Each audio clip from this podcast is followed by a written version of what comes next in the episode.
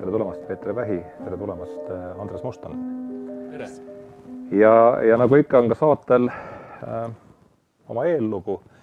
sellest ma kirjutasin ka siin saate peas, et äh, Tiibeti muusika minu jaoks ja Tiibeti mantrad minu jaoks kuulusid kuni eelmise kevadeni sellisena valdkonda terra incognita ja, ja kuidagi eelmisest kevadest saadik ühe plaadiga ma sattusin ühe plaadiga ma sattusin ta kuidagi sinna sisse ja, ja ta on mind hakanud järjest, midagi on sellist, mis mind selles, selles muusikas ja selles, selle muusika taga olevas eluhoiakus on järjest rohkem hakanud köitma ja ja mul on juba julgelt pool aastat on olnud see mõte kutsuda, miskipärast kutsuda Peeter Vähi stuudiosse sellest maailma katusemuusikast rääkima ja mul on hea meel, et see täna on teoks saanud ja, ja kui me Peetriga kohtusime eelmisel reedel, eks ole.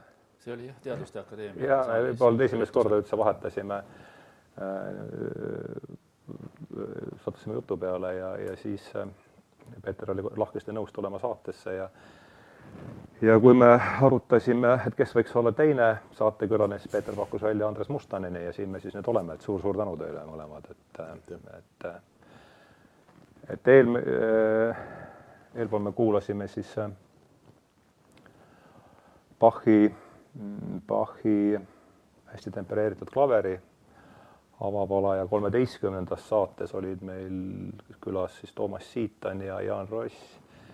ja minu küsimus nendele oli see, et miks mulle see muusika, miks see muusika mind puudutab ja, ja täna on enam-vähem sama küsimus teile, et, et mis on sellist, mis ma, ma saan aru, et see kuidagi midagi minus äh, puudutab, aga et mis see siis, mis see siis võiks olla, on see, see küsimus, millega mina tulen äh, sellesse saatesse. et hakkame siis, ma ei tea, hakkame sellest nurgast pihta, et Peeter, et kuidas, kuidas sina sattusid sellesse? Äh, kuidas sina jõudsid Tiibeti, Tiibeti muusikasse ja ja kuidas te üldse omavahel tuttavaks saite? Ja võib-olla hakkame sellest nurgast äh,, hakkame sellest nurgast niimoodi. Ja ma saan aru, et teid siis seab vanamuusika või? no lepime siis kokku nii, et selle Tiibeti jätame natuke Just, eh, hil hilisemaks, hakkame siis, hakkame siis muust pihta. Andresega jah, me oleme väga vanad ko sõbrad, kolleegid, alates juba tudengipõlvest mäletame teineteist, küll aga me olime kumbki eh, tol ajal nagu natuke eri suundades li liikumas. Eh, noh, me mõlemad õppisime Muusikaakadeemias, noh, saime oma niisuguse klassikalise akadeemilise hariduse, aga Andrese kõrvalekalle oli vanamuusika suunas ja minu kõrvalekalle tol ajal sellest nii-öelda klassikalisest akadeemilisest oli hoopis pop ja rokkmuusika suunas. ja tihedamalt me vist hakkasime kokku puutuma siis, kui me mõlemad öö, olime noh, tänases Eesti Kontserdis, tollases Eesti NSV Riiklikus Filharmoonias. Andres siis vedas Hortus muusikust ja mina olin tol hetkel ansambli Vitamiin kunstiline juht, aga maja oli sama ja alates sellest ajast me oleme kokku puutunud ja, ja tänaseni on jah, kestnud selline nii loominguline sõprus kui ka tegelikult mingi, mingis mõttes ka sellisel noh, ütleme muusika businessi eks ma seda päris nimetada ei julge, aga, aga me teeme ühiseid mõningaid projekte, salvestusi, kontserte orkester, millega ma olen väga tihedalt seotud, see on Klaaspärli mäng Sinfonietta. Andres on selle äh, orkestri kunstiline juht ja peadirigent ja muide me oleme ka väljaspool muusikat väga head sõbrad ja muide isegi täna õhtul on meil koos oh. üks nii-öelda muusikaväline eh, kohtumine Andresega. Andres tahab lisada midagi? no tähendab, ega inimestevahelised suhtlemised ei ole juhuslikud. vahest on niisugused vägisi liite on väga palju loodud, mis ei toimu, aga meil, meid keegi ei ole sundinud. see on suur vahe see tähendab seda, et, et noh, mingisugused mm, kanalid ja vibratsioonid ja, ja, ja mingis mõttes ka niisugused mm, visioonid äh, inimeste vahel hakkavad kattuma ja, ja nende vahel äh, ei, ei pruugi üldse samal alal olla, see võib olla absoluutselt teisel, teisel alal, sellepärast et ka, ka muusika, seda ei saa nagu öelda, sest et, et tegelikult on ju, elu ongi ainult üks suur kunst äh, igas mõttes, noh, kõige laiemas mõttes kunst üldse eksisteerida, on kunst elada, on kunst, kõik, kõik, kõik see on, kuidas, kuidas üldse võimalik. see, et on noh, mm, maailm on materialiseerunud ja, ja on, on noh, jõudnud niisugusesse täiesti tupikusse, noh, see on, see on ju kõikidele kõikidele selge, aga noh, samas on meil Peetriga, ega me ei, ei saa ka selle, sellest mööda minna, sellepärast et me oleme ikkagi ühe jalaga siin, ikka ma ütlen ühe jalaga selles, selles maailmas, kus on teatud reeglid või, või niisugused välja kujunenud, mitte ette kirjutatud, aga niisugused tajutavad, tajutavad reeglid, kuidas, kuidas, kuidas asjad võiksid toimida. nii et, et see on niisugune sümbioos niisuguse niisuguse spirituaalse või, või, või, või ütleme, niisuguse aimatava maailma ja siis reaalse maailma ähm, niisugune konglomeraat, kuidas, kuidas meil toimib see asi? muide, ma enne nimetasin vitamiinibändi, äh, võib-olla isegi asjatult, see on kõik nii kauge minevik, see jääb ligi neljakümne aasta tagusesse aega, aga äh, sa ütlesid, et kas meid ühendab vanamuusika. jah, tänu Andresele ma olen küll varajasele muusikale märksa lähemale liikunud ja tänaseks päevaks ma julgen öelda, Andres, ma võib-olla ei liialda palju, kui ma olen, kui ma julgen öelda, et ma olen võib-olla Eesti heliloojatest võib-olla varajasele muusikale üks kõige lähemal seisvamaid ja, ja hortusmuusikusele üks kõige lähedasemaid. Ja muide, võib-olla ma ei hinda ka enda mõju sulle üle, kui ma ütlen, et, et, et ka sina oled võib-olla ida mitte ainult muusikale, vaid idakultuurile natuke tänu meie suhtlemisele no, lähemale jõudnud, nii et, et me. no seda, see, see, see, sellised mõjutused üldiselt võiksid olla nagu kõikjal. tähendab, see ongi, see ongi täiustumine. see ongi see, mis, mis, mis nagu edasi, tähendab niisuguses omas mullis olemised on noh, see on üks kõige, kõige ra raskem olek elamiseks aga tänane, tänase saate juhtteema on idamuusika ja Tiibeti muusika kitsamalt, et hakkame siis võib-olla sinnapoole vaikselt niimoodi sihtima, et kuidas, Peeter millal see huvi tekkis ja, ja see ilmselt on, tuli see muusika kaudu või mingi või, või siis pigem äh, et ühesõnaga, kuidas see, kuidas no, see teekond välja no, nägi? ütlen, ütlen kohe, et äh, sellise ida äh, ja eriti budismi vastu. Mul see huvi kindlasti ei tekkinud nõnda, nagu ma mõnikord vahel ra Raadio seitsmest Äh, kuulen, et inimestel on mingisugune isiklikus elus mingi suur õnnetus või krahh juhtunud või tervisega või lähedane inimene sureb ära ja siis ta sai öösel ilmutuse ja lõpuks äh, Jeesus Kristus äh, tõi ta nii-öelda õnneliku elu juurde tagasi. ja mul, mul midagi niisugust ei ole, ei ole juhtunud. ühest küljest võib-olla Eh, nõukaajal, millal veel selliseid budistlikke raamatuid kas ei olnud üldse saada või väga piiratult ja paljud olid eh, masinkirjas läbi kümne kopeerpaberil löödud ja noh, siis ka minuni jõudsid mõned ja kuidagi tundus, selle taga oli niisugune salapära ja natuke selline tunne, et see on natuke keelatud ja ja, ja vot see, see tekitas ühelt poolt huvi.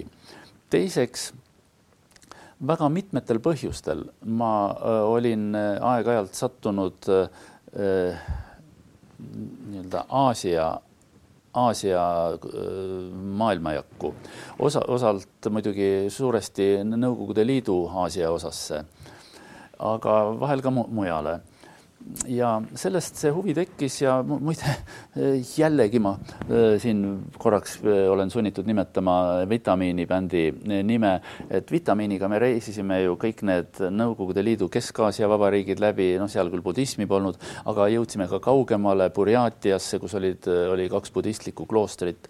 Ja, ja ka Kopenhaagenis ükskord sattusin budistlikusse keskusesse ja see kõik tekitas nagu sellist erilist huvi. ühest küljest see oli eksootiline, aga mulle tundus, et need eetilised printsiibid, mis seal valitsevad, et see on midagi minu jaoks, et mulle, mulle see meeldib kuigi ma niimoodi lapsepõlves beebina olin äh, ristitud äh, õigeusu kirikus ja noh, ja minus ei tekita, ei tekkinud mingisuguseid selliseid vastuolusid, et ma nüüd nagu murran truudust ühele religioonile ja kuidagi hakkan teise vastu huvi tundma ja võib-olla isegi lähen üle. et ühesõnaga nii, niimoodi aegamööda see, see tekkis ja kui ma hiljem hakkasin juba tegelema ka mägimatkamisega, siis ma sattusin ka esialgu küll jah, mitte, mitte veel Himaalajasse ja Tiibeti kiltmaale, aga, aga Tian Shani ja Pamiri alaisse ja kõik see huvi tekkimine oli ka osalt seotud just seal mägedes käimisega. Andres, kas sina ja budism, kuidas, mis ma tahtsin öelda, et mäge, mägedes, see on, see on üks niisugune äh, termin äh, mäge, mägedele kõik, kuningas Taavet jälle üks, üks, üks teine suur mees, tema, tema jälle ütleb, et minge mägede, vaadake mägede poole, tähendab äh, inimesed eh, peaksid vaatama nagu üles kõrgele, eks ole, seda on antud ja, ja ütleme, religiooni, religioonide kuidagi nagu ülene, ülesed eh, väärtused on ju tegelikult kõik väga sarnased. noh, sõnastused on erinevad ja, ja kõik ja muidugi, muidugi noh, see vaat mis, millest Peeter rääkis, see budistlik huvi, see kaldus ka sinna aega, tegelikult oli see juba maailmas noh, eriti, eriti Ameerika noorte sees oli juba ju viiekümnendad aastad, kuuekümnendad, noh, tegelikult oli ju täitsa budismi või ütleme, Aasia hullus. tähendab selles suhtes, kõik, kõik, kes, kes kuuekümnendad, kes, kes, kes vähegi noh, kuidagi nagu ennast arvas, et tal on ka midagi peale nähtava maailma olemas siis, siis, siis see arenes väga ja seal tulid ju suured õpetajad ja, ja sealt tuli ka kirjandust väga palju just nimelt nendest. No aga Beatlesid, Beatlesid olid, olid nagu, nagu India ja, ja no budism, aga, aga, ja ka no see on väga-väga suur, suur muutus muutus maailmana, no see muidugi, mik-, miks see on, võib öelda, see on ka see, et, et noh, Euroopa tsivilisatsioon kui selline see äh, kuidagi ei, ei toitnud, toitnud enam väga paljusid, seal, seal mida, midagi on, midagi on seal nagu kadunud, vot, vot Euroopa mm, ajaloo tähtsamad niisugused saavutused nagu hakati pidama niisugust keskaja, varajases keskajas kuskil niisuguses teatud tuhandeaastases perioodis, et, et noh, seal tegeleti nagu noh, tõsiselt ikkagi vaimsete ja religioossete asjadega, noh, toodud kloostrid ja, ja ordud ja, ja, ja kõik, kõik selline, selline, aga noh, see ei, ei enam ei kuidagi väga-väga kaasajal noh, nii laialt, laialt ei, ei võetud ju, muidugi mindi, aga selle, see, see, see soov läks kõik sinna Aasia poole no kuulge, ma nägin üleeile nägin veel siin Krishna, Krishnaite siin täna tänaval tuli, ma ei tea, kas kuus tükki või aga no ma olen neid, neid näinud maailmas väga palju ja ja ütleme, teine koht, Tel Aviv, kus ma elan, siis ma näen oma, oma rõdult näen, näen nad iga, iga reede, reede enne šabatit nad jalutavad seal ja laulavad oma, oma laule. aga noh, ka Krishnaitidega ma olen väga tõsiselt tegelenud, Pagama Gita ja kõik, iga kord, kui ma olen, noh, ma olen kokku viisteist korda Indias käinud elu, elu niimoodi, aga mitte, mitte usuretkedel, vaid kui, kui maal ja, ja niisugune sobilikult, siis, siis vot nendes kohtades on hea lugeda neid asju, mis, mis seostuvad mm, -hmm. seostuvad selle, selle ümbrusega, ükski asi ei saa välja, välja rebida. nii et, et mul on, mul on oma, omamoodi käsitlus sellest noh, niisugustest erinevatest religioonidest, see on ikkagi väga-väga suurelt suurelt eksootika ja, ja niisuguse tundmatu kättesaamine. kui sa tõeliselt kätte saad, siis alles asi alles on tõsine ja hakkab alles olema. aga no Peetri puhul kindlasti on, on need etapid üle elatud kõik Kind,. kindlasti mitte, sest kui see liikumine hakkas, mida te siin mainisite, nii Beatlesite aega kui noh, Andres ütles siin kuuekümnendaid aastaid, no siis mina olin sedavõrd väike laps, et ma ei teadnud midagi ei idast ega läänest. Aga see küllap oli tõepoolest säärane võib-olla noorema põlvkonna protest mhm. sellise val, tekkinud heaolu ja väikekodanliku ühiskonna vastu ja see avaldus siis mitmel moel, noh, me teame, nõndanimetatud New Generation oli siis, siis mm, hipide liikumine ja just need, need hipid võtsid või suunasid pilgu tihtipeale idasse, lillelapsed, samasse aega jääb seksrevolutsioon, narkootikumide tarbimise kasv ja kuidagi see jah, selle idaga seostus ja muidugi siin, kui Beatlesitest rääkida, siis võib-olla, võib-olla kõige aktiivsemalt vaatas ida poole neist George Harrison. Ja noh, kes sai tuttavaks äh, maailma seni kuulsaima äh, sitaarimängija Ravi Shankariga. muide, äh, mul on, kuna ma olen kunagi noh, või meie oleme kutsunud äh, Ravi Shankari kunagi Orient festivalile, me küll, meil ei õnnestunud seda kontserti Eestis teha, me korraldasime seda Peterburis, aga siis Ravi Shankariga veel õnnestus, noh, nüüd teda ei ole enam meie hulgas, aga siis aastal tuhat, kaks tuhat viis meil õnnestus temaga sellel teemal pikalt rääk-, pikalt rääkida ja sinna kaasa tuli sinna Peterburgi koos siis Ravi Shankariga ka George äh, Harrisoni lesk. Äh, nii et, et see oli meil ka nagu. ma ei, et millal ta suri või? mul on piinlik öelda, aga ma ei tea, aga igal juhul kaks tuhat viis ta oli selleks ajaks teda, vist, vist küll jah, mitte väga kaua mm -hmm.. noh, Lennoni surma-aastat me paljud teame, see oli vist tuhat üheksasada kaheksakümmend, kui ta maha lasti minu vist meelest. aga jah. Harrison igal juhul palju-palju aastaid äh, hiljem aga nüüd, miks ma sellest kõigest räägin? vot eriti sellises Ameerika kultuuri kontekstis ja, ja, ja väga erinevate kultuuride ja, ja selliste erinevate seltskondade kontekstis Ameerikas kujunes mõnikord sellest ida vaimustusest säärane natuke kaootiline ja eklektiline liikumine, mida mõnikord võetakse ka öö, terminiga kokku New Age. ja, ja ega mul ei ole midagi tegelikult selle liikumise New Age'i kohta midagi halba öelda ja ka selle muusika kohta, mis, mis selle vaimus loodi, aga teatud inimesed ja teatud grupid kuidagi oma niisuguses pealiskaudsuses justkui äh, Äh, nagu kahandasid selle, selle asja väärtust ja võimalik, et ma isegi olin algul äh, sel, sellest kõigest vaimustuses. noh, püüdsin natuke lugeda hinduismi kohta ja, ja igasuguste muude müstiliste liikumiste kohta ja mis on, seondub küll, kuidas tervist paremini säilitada ja see nagu läks laiali peaaegu kõikidesse valdkondadesse, aga seda iseloomustas tegelikult selline noh, üsnagi suur pealiskaudsus. Ja Äh, ja seetõttu mul on nagu hea meel, et mingil hetkel ma sain aru, et see kõik on küll huvitav, aga noh, sellesse ei jõua süveneda ja tuleb ikkagi leida mingisugune üks suund, milles noh, on mõistlik sü rohkem süvitsi edasi minna ja minu jaoks oli see ikkagi budism ja mitte kaugeltki mitte kõik budismi voolud, ka see on liiga lai valdkond e,. ikkagi võib-olla India sellise algusega Äh, Tiibeti budism ja ka Tiibeti budismis on palju voolusid, ka seal tuli teha üks kindel valik ja minu valik oli, oli Tiibeti Trikungkagü Tiibeti koolkond.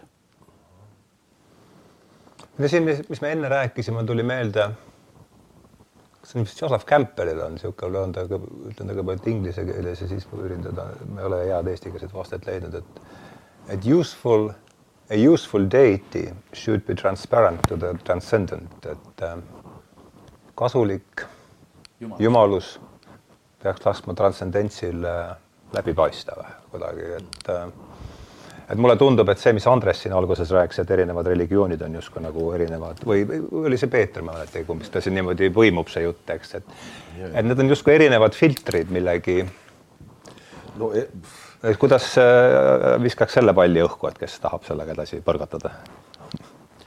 no need on väga tõsised teemad mm.. selles suhtes, et, et siin ei saa välja öelda nüüd, et kui keegi pärast hakkab tsiteerima, et noh, et see on õige. tähendab, ma arvan, et, et tegelikult ma üldiselt ei arva, kui ma midagi ütlen, siis see nii on mm. -hmm. see ei ole mitte mingisugune arvamus ma olen jõudnud nagu arusaamisele, et mis tähtsus on see, mida, mida keegi arvab. tähtis on see, kas ta teab või ei tea või kas ta tunnetab või kas tal on arusaamised asjadest. on väike vahe, eks ole.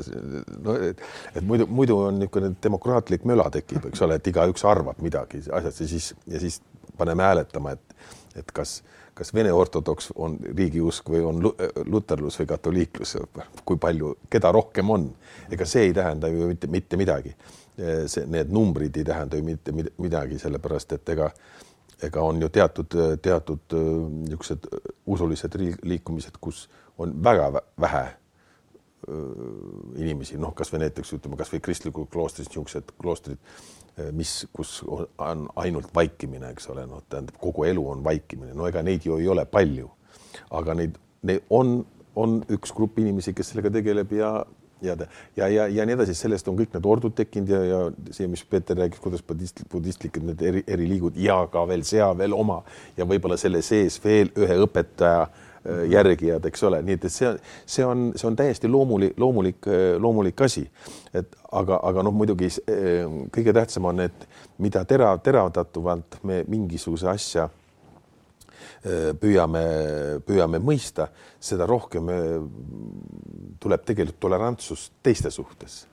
ja vot see, see, see on, see on ju, ju ütleme, ida ja, ja noh, eriti budismi see ikkagi see see heatahtlikkus ja tolerantsus teist, teiste suhtes tähendab mitte, mitte mm, antagonistlikud vastuolud või, või kogu aeg mitte selle otsimine või ja, ja no muidugi see, mida sa võib-olla sa räägid edasi ikkagi, et see, see alandlikkus ja ja, ja ütleme, see India ahimsa tähendab see niisugune vägivallatus on jah, vägivallatus, et, et noh, muidugi siin kohe võib ju keegi öelda, et, et jõuame teatud riikidesse, kus on, on budistlike noh, nagu võimul või noh, et, et, et tegeletakse ka niisuguse mm,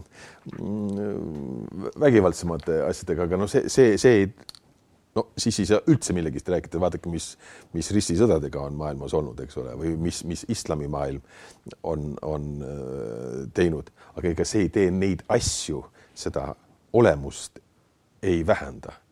see on, see on nende inimeste jaoks, kes ei ole süviti jõudnud asjadesse ja siis hakatakse neid asju võimendama. näiteks kui me räägime praegu, eks ole, islami terrorismist, see on ju tühine osa on islamimaailmast muhameedlikust maailmast tegeleb terrorismiga. see on, see on üks nende võitluse vorme.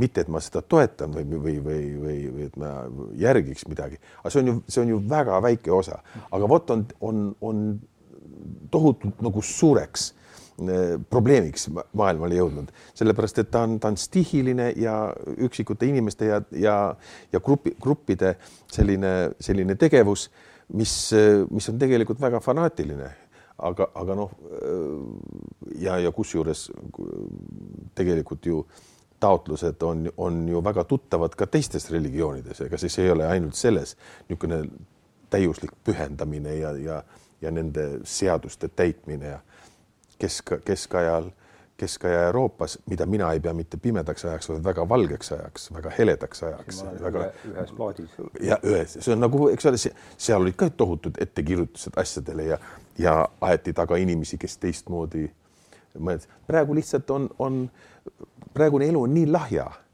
ja nii, nii lame ja, ja nii, nii mit, mitte midagi, mitte midagi, midagi tõsist nagu siin ei tehta.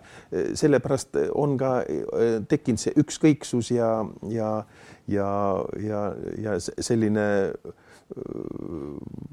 olukord, et inimene ei pea tähtsaks seda, mis teine teeb või mis teine mõtleb või, või, või, või mida ta tahab, vaid see on niisugune kämport, see on, see on ükskõik, mis mis see on, noh, peaasi, et mina kuidagi saa, see, see ego, ego suuruse tulemine, aga no religioonid on, on teiseks asjaks ehm, inimesele antud ikkagi, et mitte, mitte, mitte, mitte mina ei ole, vaid, vaid, vaid me oleme nagu, nagu valmis võtma vastu vastu niisugust teist maailma ja, ja, ja teine asi on see, et sellega tekib äh, süüdistamine, eks ole, kes on selles süüdi, et, et elu on kõik selline. kas mina või sina olen süüdi, kumb, kumb on süüdi? no aru, kas inimesed arutavad niimoodi? aga süüdi süüdi olen just nimelt mina, sest mina ei ole teinud. kui ma juba seda aru saan, et ma olen süüdi, siis on mingi lootus, aga kui ma ütlen, et mis see minusse puutub, mina ei ole siin midagi teinud, eks ole, nemad tegid, tema on süüdi, tema on loll. kogu aeg käib ju teiste süüdistamine. aga, aga ma arvan, et arvan, et nende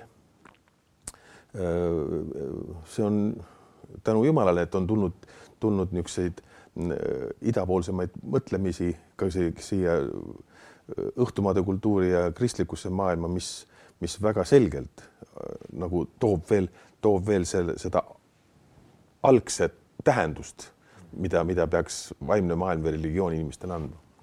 Andres tõstatas nii palju selliseid mõtteotsi, et, igast ühest justkui tahaks kinni ja, haarata ja rääkida, aga ma mõtlesin, et, et võib-olla siiski ma annaksin jutu otsa sulle üle, et, et, et muidu me kaldume võib-olla hoopis islami temaatikasse ja, ja, ja kõigesse, et, et Hakkame et muusika... juhi, juhi parem ikkagi sina praegu seda. hakkame vaikselt siis muusika poole sinna tiiruma ti,, ti, suunduma, sest see on ikkagi põhjus, mis meid siia täna kokku tõi, aga ma küsiks enne, et et sa, Peeter, ütlesid, et sellist välguraksatust ei olnud, et, et nüüd budism ja, aga et ka ometigi noh, mingid, eks ta ju läheb mingite äh, väikeste taipamistega ja ühel hetkel need taipamised nagu kumuleeruvad, et kas on mingi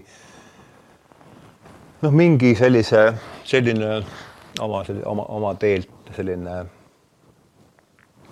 selline äratundmine või et see on nüüd see, mille ääriveeri on meil siin juba juttu olnud, et mägedes käik ja aga et noh, mingi selline ära, äh, jah, pigem taipamine ja äratundmine, et see on nüüd see tee, mida ma tahaksin edasi käia.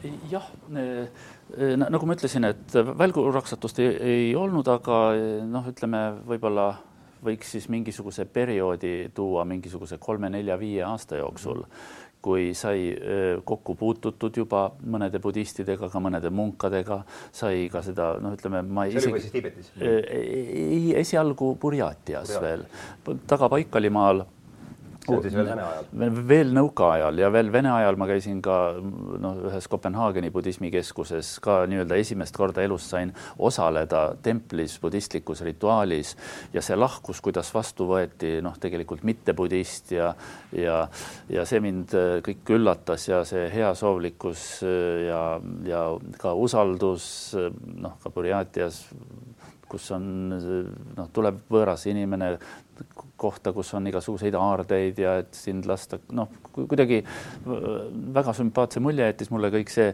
aga noh, see on kõik mõnes mõttes nagu väline ja ka see sellised eksootilised pillid ja eksootiline väljanägemine ja, ja ristiusu kirikust, millega me oleme harjunud, hoopis teistsugune rituaal. aga eksootikast vast tähtsam oli see, et et mõned niisugused filosoofilised noh, selle budismi põhimõtted mm, või arusaamad mulle ka nagu meeldisid.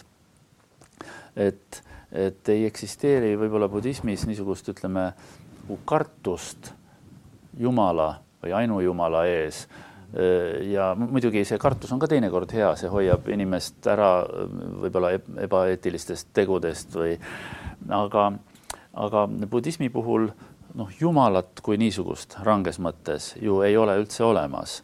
Buda noh, kuigi ta on omandanud teatud sellised jum, jumalikkuse või, või tähendab jumaluse jooned, et ka templites teda kummardatakse, talle tehakse annetusi ja, ja nii edasi, aga põhimõtteliselt Buda Shakyamuni, noh, Buda budistliku õpetuse alusepanija, ta on ju ikkagi olnud inimene, konkreetne inimene kes on siis saavutanud valgustatuse või saanud budaks.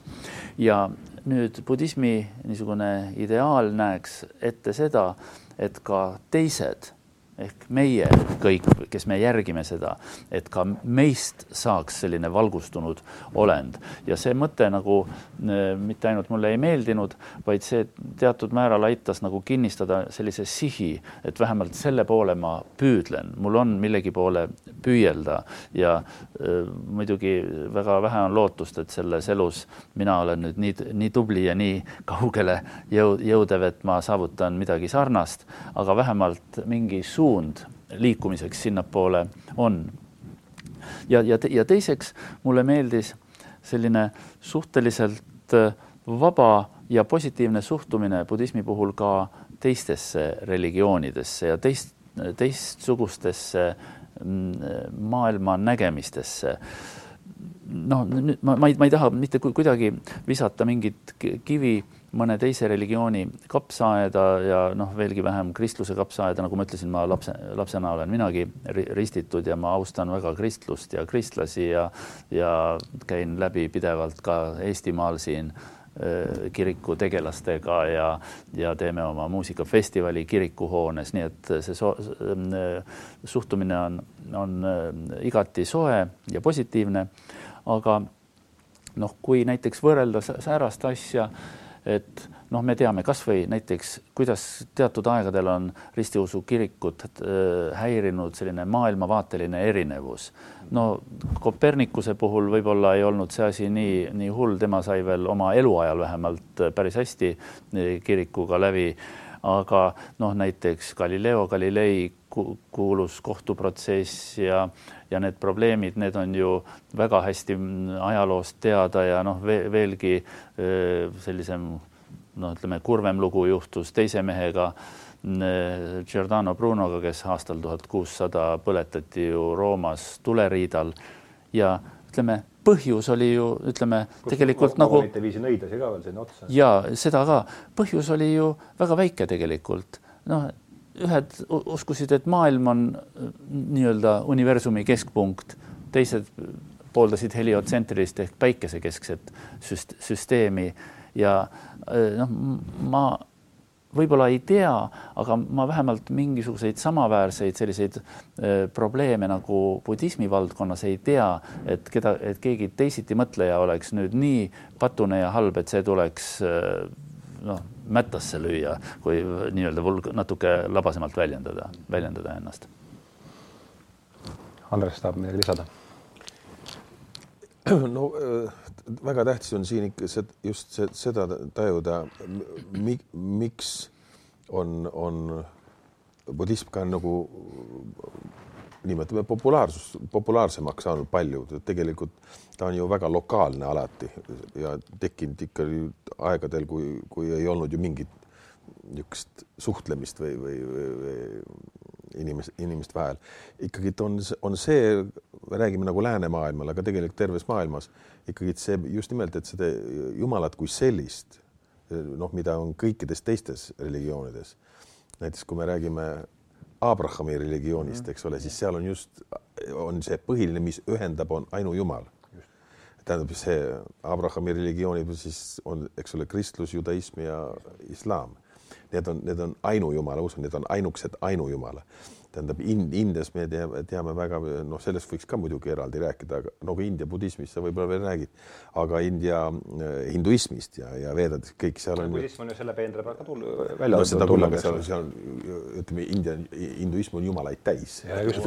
tähendab, et ja, ja ütleme, hindu, hinduismis on ju nii, et ega mitte midagi ei, ei toimu, kui kui jumalatega vastava ala jumalaga ei suhelda või ei annetata või, või, või ei või ohverdata siin, sinna kuni noh, kõik kõige lihtsamate asjadeni. kui sa ostad mingisuguse eseme, siis sa pead minema templisse ja saama nagu selle jumalalt endale õnnistust sellele, sellele materjalist, mateeria äh, esemele, olgu see siis jalgratas või mootorratas või auto, ma olen neid asju ise näinud väga-väga huvitaval äh, moel et sõidetakse aut autoga templisse sisse ja mootorrattaga ja, ja, ja, ja palutakse äh, õnnist ja, ja noh, noh, siin, siin on palju, palju näiteid, et, et see on põhimõtteliselt teine, aga, aga budism on minu meelest ainukene, kus, kus seda ainu, kus, kus nagu jumalust ei, ei ei analüüsita või ei, ei räägita sellest, sest põhiliselt on ikka see, et saaks ikka Jumalale lähemale ja saaks nagu Jumala sarnaseks või noh, tegelikult on Jumala sarnasus on ka natuke seesama asi, aga aga, aga need on ju kõik, kõik piiratud pi,, piiratud väljendused, me, me tahame rääkida asjadest, kus ei räägita üldse selles keeles ja üldse niimoodi ei arutata asju, tahame sellest, sellest asjast nagu rääkida. nii et see on väga ohtlik, on see, on see, on see kõik ja, ja, ja üldiselt kaunis perspektiivitu, sellepärast et noh, inimesed hakkavad torkama silma, kui nad on pühendunud mingi asjale, aga see on ühe, ühe asja, kui sa ta, ühe, kas siis ühe kloostri või, või, või no niisugused tekivad, aga need on isiksused, inimisiksused, kes, kes tekivad, tekivad äh, või muutuvad väljapaistvaks on tegelikult seotud ikka sellega, aga, aga, aga kui, kui üldse see on ära, et niisugust mõistet ei ole, vot siis tekib teine olukord. muide, mm, sa ütlesid, et et hinduismis on palju jumalaid ja budismis ei ole. see, see kõik on õige, aga eks hinduismis on paljud jumalad ka niisugused noh, ütleme kui välja arvata näiteks äh, Shiva, Vishnu, Brahma, mis on võib-olla käsitletavad ka niimoodi kui mingid printsiibid mm, -hmm. mitte üksnes, mitte noh, noh, ma ei taha tõmmata siin paralleele võib-olla äh, ristiusu isa, poja, püha vaimu ja, või, või siis ka logosega mm, -hmm. aga mingi, mingi paralleeli võiks isegi, isegi tõmmata. aga need tohutu arv neid jumalaid, noh, need on nagu üksikute võib-olla kas planeetide või, või loodusnähtuste kehastused mm. -hmm. noh, on äikesejumal ja, või on tulejumal Agni, päikesejumal Surja ja nii edasi. noh, et see natuke on säärane pigem selline mütoloogiline või natuke eepose tasand mm, -hmm. noh, väga kaugel võib-olla ei ole ka lõpuks me, meie vanemuine sellest, sellest, aga nüüd, kuidas budism sellesse suhtub ega tegelikult noh, kui ma siin ennem ütlesin, et budismis ei ole jumalat, siis eh, ega budism ka ei, ei eita nende hindu ja, ja veeda jumaluste olemasolu. budismi arusaama järgi eh, jaguneb maailm. see on see taust, kust ta välja kasvab, eks budism, see, saan ma, saan ma nii õigesti aru, et ta on ikka hinduismi, hinduismi. ta jah, ta on selles kesk, keskkonnas välja kasvanud mm, -hmm. küll osalt siiski nagu protestina või ja, ja, vastu, vastuõpetusena mhm. mm. -hmm. aga ka budismis eksisteerib üks arusaam, tavaliselt maailma kujutatakse ühe niisuguse ratta või ringina. Ja see, see maailmaratas jaguneb kuueks, kõigepealt keskelt pooleks niisugused ülemised maailmad, ülemised kolm maailma ja kolm alumist. Mm -hmm. ja need ülemised on just üleval keskel on jumalate maailm. E, noh, sanskriti keeles, noh, indias öeldakse devade maailm, deva on jumal, siis on äh, asurate ehk pooljumalate või titaanide maailm ja inimeste maailm, need on nagu kõrgemad ja all on siis noh, põrgu ehk allmaailm, kus elavad põrguolendid, siis noh, natuke paremas positsioonis on loomade maailm ja siis on pretade ehk näljaste vaimude maailm, kes kannatavad mhm. pidevat nälga ja janu, isegi kujutatakse neid väga peenikese kaelaga, et umbes, et, et nad on küll kogu aeg tahavad, tahavad, aga noh, et lihtsalt sellest peenikesest kaelast ei tule mhm. nii palju toitu ja jooki läbi, kui et, mhm. et nende suur kõht saaks täidetud. aga miks ma sellest nüüd räägin, sellest kuuest maailmast ja kõige imelikum on see, et mingil tasandil on kõige ihaldusväärsem jumalate maailm seal on ilmselt rikkust ja, ja, ja elu on pikk, kestab aastatuhandeid ja mm, see on nagu jah, suhteliselt ihaldusväärne võrreldes põrguga. aga kõige väärtuslikumaks peetakse siiski mitte jumalate maailma, vaid inimeste maailma. inimeseks sündida väidetakse, et on väga raske ja ainult inimene on suuteline nüüd pääsema sellest äh, ümbersündide ahelast ehk sansarast, on suuteline minema sinna ideaalsesse olekusse, mida on väga raske kirjeldada, mida üldiselt tuntakse nime all nirvana. -hmm. et Jumal ei saa minna nirvanasse, sest oma heaolust ja noh, tal nagu puudub isegi motivatsioon sellest lahkuda, aga inimesel on see võimalus. et selles mõttes ütleme, teatud äh, sellises filosoofilises kontekstis on inimese seisund isegi tõstetud kõrgemale Jumala seisundist. see on väga imelik ja võib-olla isegi natuke mõne teise religiooni seisukohast isegi kuidagi ketserlik mõte üldse, et nii võiks üldse arutleda, aga budismis nii see on väga kena, aga vahetame siis praegu natuke käiku ja, ja kokku see teema, mis meid, mis mind seda saadet pani tegema, oli pigem sellised mantrad, Tiibeti mantrad ja, ja Tiibeti muusika ja ja, ja nüüd me oleme taustast natuke rääkinud ma loen selle plaadi, see plaat, mida ma, mis kaudu see minuni üldse jõudis, see on Young Chenma Mother of Sound sõbra juures kuuldud ja siiani ma olin teda kuulanud valdavalt selles, mis ta nüüd on, see Spotify's. ja täna vaatasin esimest korda seda plaadi ümbrist ja sinna siis kirjutatud niimoodi, ma viskan selle palli teile ja palun teil siis sellega niimoodi edasi mängida, et kogu maailma iidsed müstikud ja nüüdisaegsed teadlased nõus- ja ka, ja ka nüüdisaegsed teadlased nõustuvad sellega, et kõik vibreerib ja seega tekitab heli. Tiibeti mantrajana traditsioonis, mis on kestnud täni, täni, tänaseni, usutakse, et pühadeks sümboliteks pole mitte ainult sõnad, vaid kõik helid ja tähed. iga silp annab edasi teatud sagedust. Mantrad on tantristlikus traditsioonis inimmõistust ületava spirituaalse jõu edasiandjad. Nad on vahendid, mis panevad tööle ja manavad välja meie teadvuses peituva latentse hingejõu, mis võimaldab meil suunata oma saatust, on seal kirjas, et äh, kuidas see, see on suuresti minu niisugune esmane tutvus asjaga, et äh, et Peeter, kes sa oled asjasse pühendunud, pühendunum, et mis minule, mis mina sealt üles noppisin, et kõik, kõik, kõik maailmas vibreerib, vibreerib, see, sellega tundub olevat ka füüsika meil siin nüüd äh, tänapäeva füüsika samuti sellele väitele alla kirjutavad, et mis sellest, mis sellest sedastusest siis nüüd järeldub. et kõik, kõik vibreerib. võtame selle esimese ringi siit. okei okay., eh, kõigepealt sa, sa ütlesid, et sa kuulsid seda plaadilt Yang Chen Ma et. Äh, ja kui, kui ma äh, nüüd äh, sellest hääldusest niimoodi aru saan, siis kui see tiibeti keeles on Chengma, siis see võib tähendada Cheng suur.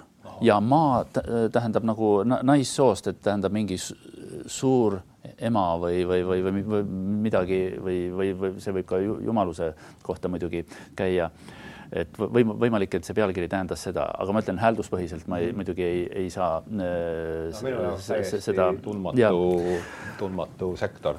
aga nagu sa ütlesid, et kõik asjad, kõik asjad vibreerivad ja, ja, ja küllap äh, see nii, nii on ja muide nüüd veel isegi väljaspool budismi.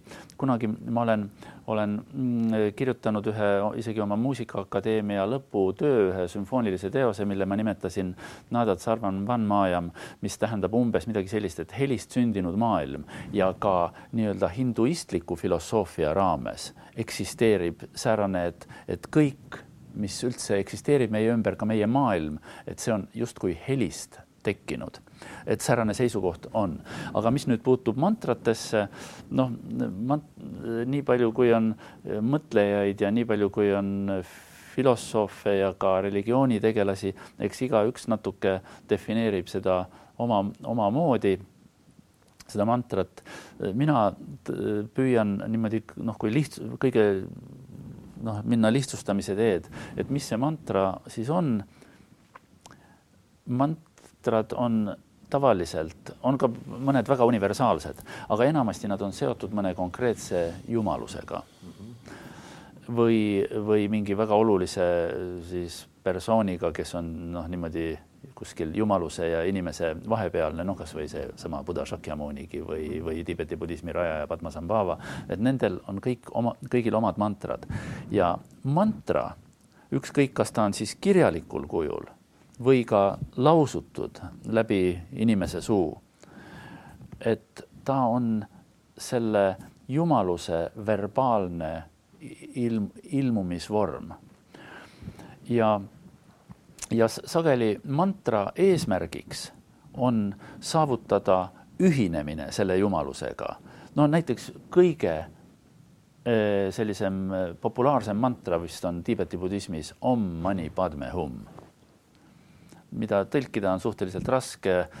noh, om ja hum, need on üldse sellised noh, tõlkimatud pühad silbid mani on siis juveel või aare või midagi sarnast ja pad, padme või padma on, on lootoslill. noh, kui nüüd püüda eesti keelde panna, et om, aare, lootosel, hum, noh, see nagu peaaegu et ei tähenda või noh, kaotab sellise mõtte, aga see on tegelikult kaastunde jumaluse mantra, kaastunde jumaluse ehk noh, Avalokiteshvara või nii Chenrezi nagu Tiibetis teda kutsutakse, et kui seda mantrat lausuda ja kui sellesse uskuda ja kui eelnevalt on mingi kõrgem budistlik vaimulik andnud selleks nüüd budismi praktiseerijale loa ja selle väe, siis väga paljude arvu korduste järel sellel budistil tekib säärane tunne, nagu kaoks vahe tema ja selle kaastunde jumaluse vahel. Võib-olla väline efekt on see, et see inimene muutub kaastundlikumaks, aga selles on tegelikult mingi sügavam side ja selleks väga paljud mungad ja praktiseerivad budistid retsiteerivad teatud mantraid noh, tuhandeid ja tuhandeid kordi kasvõi näiteks selles koolkonnas, millesse mina kuulun, mitte küll kaastunde jumaluse mantrat, aga ühte teist mantrat, ühte saja kaheksa silbilist oli vaja retsiteerida sada tuhat korda. ja mõnikord tehakse selleks veel sellist mehhaniseeritud mantrate retsiteerimist, et neid kirjutatakse mingitele rullidele, pannakse ühe sellise tünni või palveveski sisse ja siis lükatakse seda käsitsi või on ka käes hoitavaid äh, palveveskeid. et kui seal sinna on tuhat korda kirjutatud, siis üks ring tähendaks nagu oleks tuhat korda retsiteerinud, aga selle ütleme rituaali läbimiseks siiski seda mehhaniseeritud mantrate retsiteerimist, seda nii-öelda keerutades, seda siiski ei arvestata, et sa pead ikkagi selle füüsiliselt läbi tegema ja sellega tegeldakse sageli aastaid. ma kaldusin natuke kõrvale vist. ei, ei ole, see, see on kõige, kõige huvitavam asi on see tegelikult eh, ega siin, ega siin midagi no vot, ma ikkagi ta, ta, kuidagi tahaks nagu näha nagu kõik kogu, kogu maailma, see on tegelikult igal pool sees. ega siis vaata, kui, kui, kui me räägime katoliiklusest, eks ole, siis seal teki-, olid ju ka, eks ole, üheksa korda seda, kümme korda seda palvet, noh, niisugust, niisugust luge ja need on igal pool ja kui, kui me lähme teistesse noh, judaismi võiks öelda, et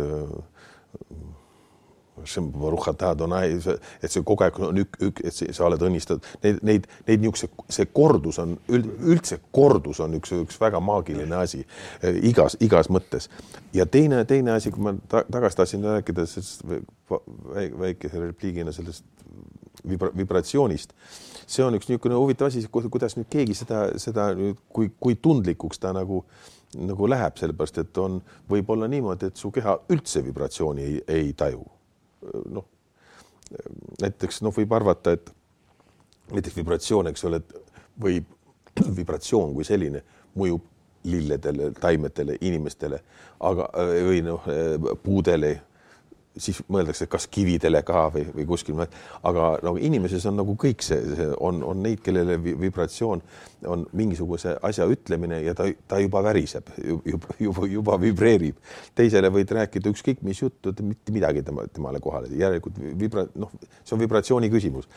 ja, ja, ja kuna me oleme elame noh, kristlikus, kristlikus maailmas, vaadake, Johannese evangeelium hakkab, et alguses oli sõna see on nagu mingisugune, kõik teavad seda, eks ole, iga, iga. see lõik seal plaadi peal läks täpselt, täpselt, see oli järgmise lõigu alguses just. aa, algus oli sõna, aga, aga, aga, aga kõik see keel loogos, eks ole, ja aga kui kõik need, seda asjasse pühendunud ja, ja kuskile nagu mingi äratunnetamiseni jõudnud sõna tähendust, sõna tähendust, siis see ei ole sõna, seda ei saa tõlkida üldse eesti keeles sõnana, sest meie, meie jaoks sõna on ikkagi väga konkreetne äh,, konkreetne välju, väljendus. aga et, et algu, et, et see, mis, mis on Johannese evangeeliumi alguses, mis on, mis on kõikidele mitte ainult kristlastele, vaid kõikidele niisugune, et oli sõna ja siis see, et see sõna tegelikult ongi vibratsioon, see sõna, see tähend, see algne tähend, mitte algne tähendus, vaid tema tähendus ongi vibratsioon. et alguses oli vibratsioon, maailm alguses lõi Jumal maailma, see, see on vibratsioonist tekkinud maailm noh, see on kõik, aga noh, nüüd, nüüd, nüüd on vaja seda mm, nagu tajuda, et, et kui palju sellest sõnast aru, aru saadakse, peab hakkama jälle pakse raamatuid kirjutama ja, ja lugema inimestele, mis asi see vibratsioon on siis, eks ole. aga no vibratsioon, vibratsioon saab lihtsalt inimene tegelikult eh, võib tunnetada. vaadake, kui mingisugune väga sind puudutav või, või, või mingisugune asi toimub su ümber, siis sa tunned, et sul tekib värin näiteks või, või lööb läbi mingisugune asi. see on ikka niisugune tajutav asi, mis on vibratsioon. aga, aga lihtsalt, et aga vibratsioon on inimestel, kes on sensitiivsed, kes on, kes on tundelised ja, ja, ja tihtipeale võivad nad ka naeruväärsed olla, sest nad on hirmus tundlikud ja kogu aeg võbelevad ja võbelevad läbi elu kuidagi niimoodi värisevad eriti õrn, õrnema soo sees on neid, siis kirjutatakse luuletusi ja siis värisevad selle juures ja, ja kuulavad. et, et värin, värin, vibratsioon on üks väga oluline, oluline asi ja, ja, ja kui me räägime, mis saab vibratsiooni üldse äh, äh, edasi anda, see on ainult muusika mitte mingi muu asi ei, ei, ei saa vibratsiooni edasi anda. maal võib tekitada sinus vibratsiooni, aga see ei ole vibratsioon, ta ju ei värise. muidugi praegu moodsas maaliunstis ka mõned pildid värisevad ju ja, ja on ju seda kõik op- ja popkultuuris on tekkinud igasuguseid asju, et kogu aeg midagi liigub ja, ja võbeleb, aga see ei ole vibratsioon, see on, see on äh, ikkagi nagu võbelus äh,, mitte, mitte, mitte jumalik äh, selles suhtes ta, jumaliku vibratsiooni tajumine, aga muusikasse ja kes tahavad kirjutada nootidesse ja kel, kellel on see sees, nendel on see eh, ikka tuhandete aastate jooksul õnnestunud. Eh, on väga palju ja, ja rääkimata, rääkimata noh, sellest spetsiifilistest niisugustest kloostrite ja ja, ja, ja tead ja religioonide väljendajad, kes noh, mida seal kasutatakse noh, mida me teame nimetuse all rituaalne muusika, eks ole. no praegu me oleme natuke siin segi pööranud selle vibratsiooni kolm erinevat tähendust, üks on see noh, kui pillikeel vibreerib ja, ja tekitab on, teatud laine, laine, laine, ja just, et noh, nagu sa ütlesid, et läbi muus-, et muusika, mis tekitab vibratsiooni. teine on see, millest Andres rääkis ka natuke selline emotsionaalne vibratsioon. Ja kolmas on võib-olla selline filosoofilises ja spirituaalsemas mõttes võib-olla, mis sellest sinu mantra nii-öelda definitsioonist või sellest plaadi pla,, plaadilt oli. võib-olla mõni veel. aga, aga noh, kõigisse noh, võib-olla meie see niisugune saate formaat nagu ei võimalda nagu süvitsi kõigisse neisse minna no,. vaatame, kergitame kaant natukene igaühelt, vaatame, mis meil sealt äh, vastu vaatab. pillikeel.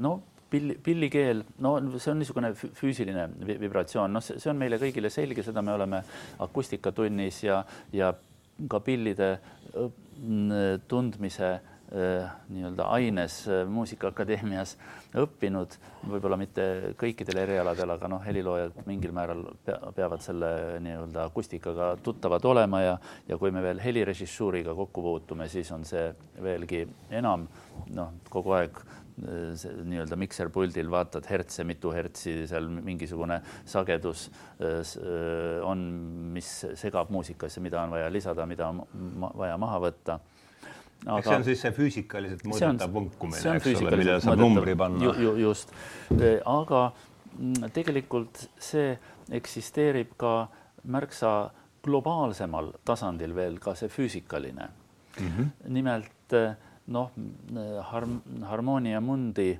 ehk maailma harmooniad, mis on juba, eks ole, antiik-Kreekast äh,, Kreeka filosoofid juba. Kepler oli ju tema, kes oli harmoonia mundi, minu meelest oli tema üks niisugune. jah, aga mi, mi, minu teades, kas, kas ma nüüd äh, eksin, kas keegi säärastest mul on muidugi kaamera ees piinlik äh, arutleda, aga noh, ma ei, ei ole siiski ei füüsik ega, ega Kreeka filosoofia tundja. mul, mul midagi nagu meenub seoses, ma ei tea, kas Aristotelese või Platoniga, et ka nemad. Äh, Pythagorase midagi... alt tuleb see minu meelest. vot just ongi just nimelt Pythagoras va, va, vabandust.